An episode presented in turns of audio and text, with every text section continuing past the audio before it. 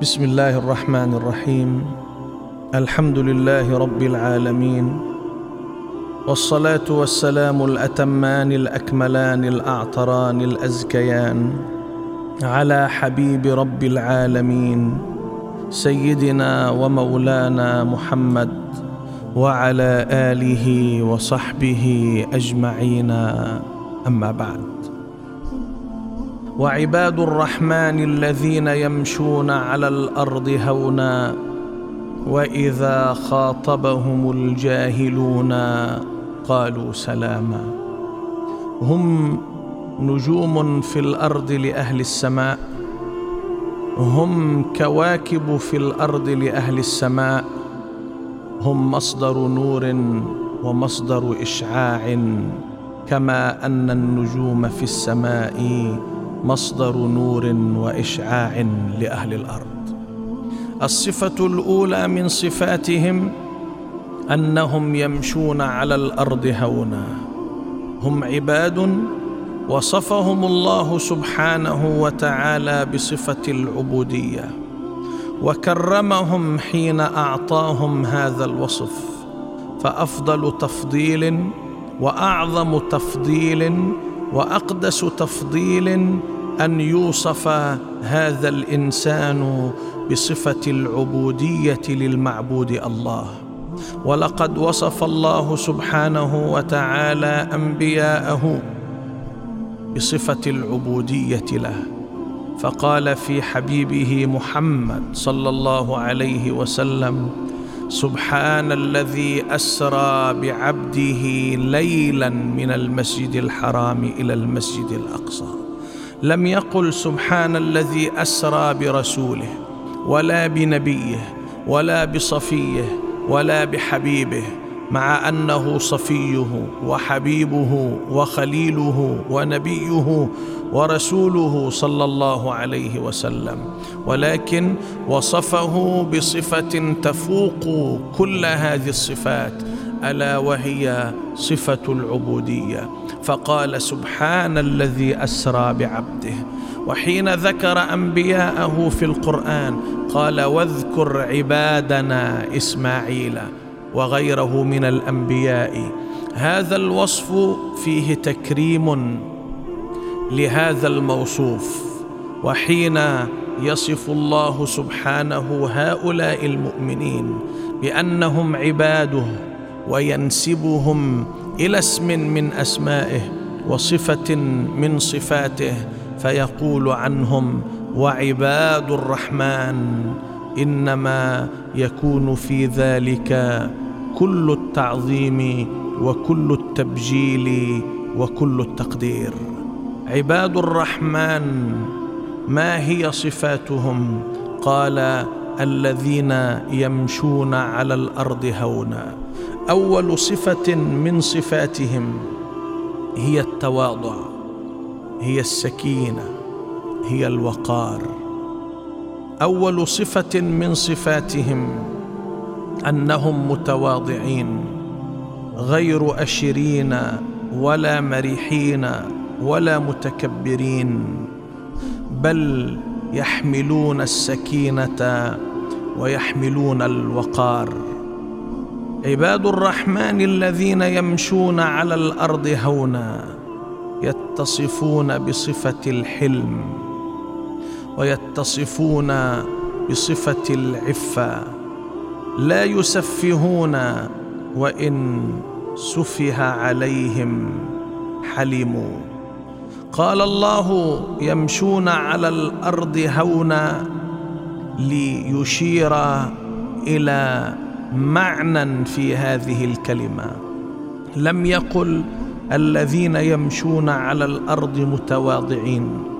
وإنما قال يمشون على الأرض هونا فهونا تشتمل التواضع وتشتمل الرفق وتشتمل اللين.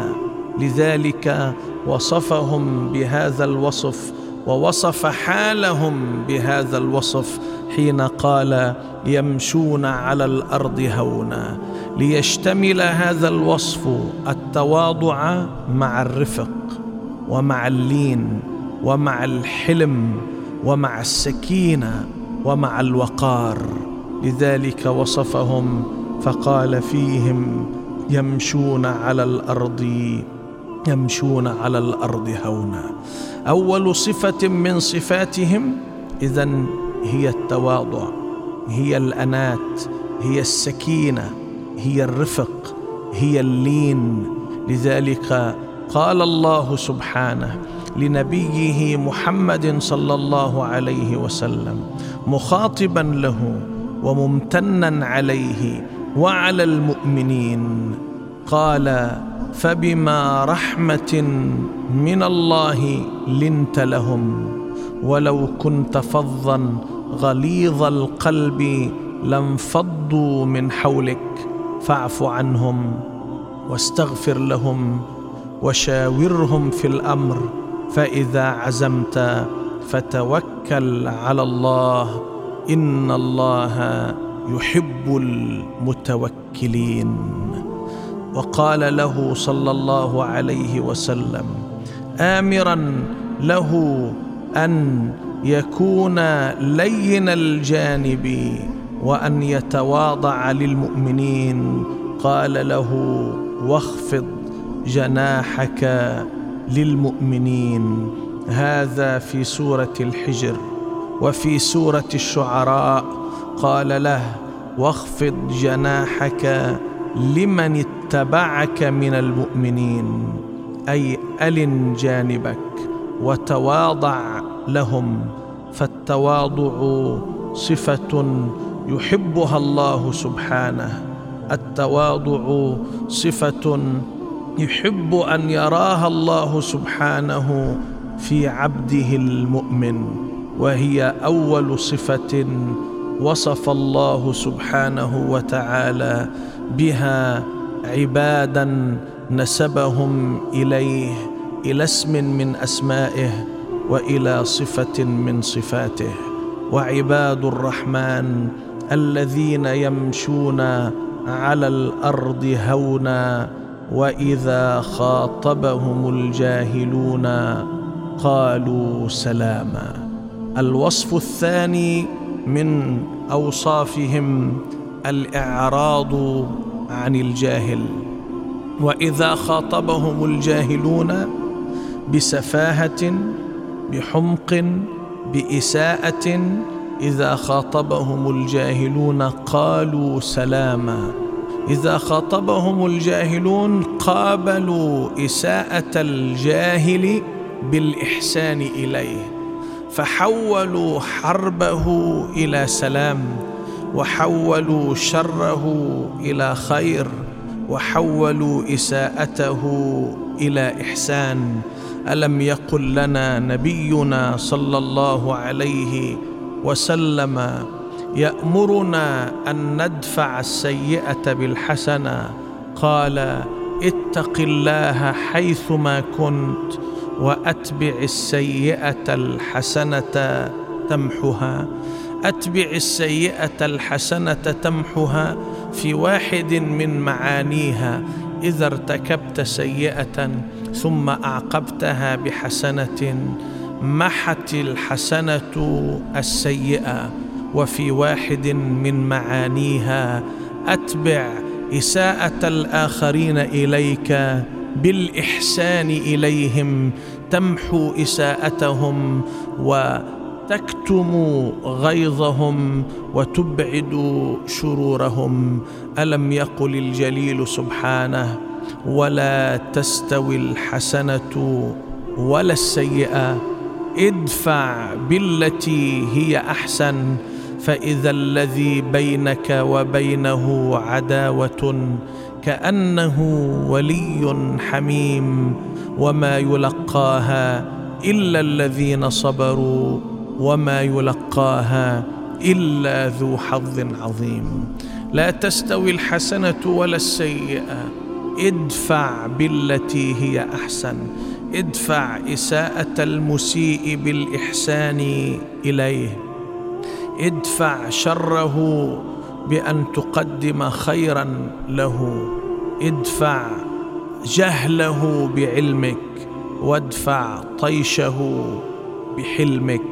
لذلك وصف الله سبحانه عباده عباد الرحمن فقال وإذا خاطبهم الجاهلون قالوا سلاما فهم لا يردون الإساءة بالإساءة وإنما يردونها بالسلام والأمان والطمأنينة فهم مصدر سلام ومصدر أمان ومصدر سعادة وإن جهل عليهم وإن أسيء إليهم فهم لا يحملون في قلوبهم إلا السلام إلا الأمان إلا الحب.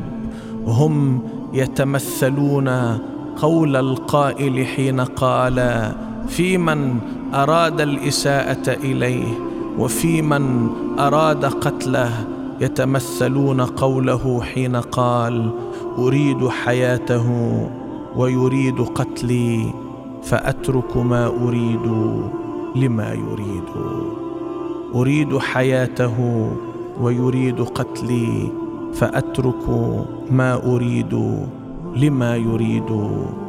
نلتقي في حلقة قادمة نتابع وإياكم صفات عباد الرحمن.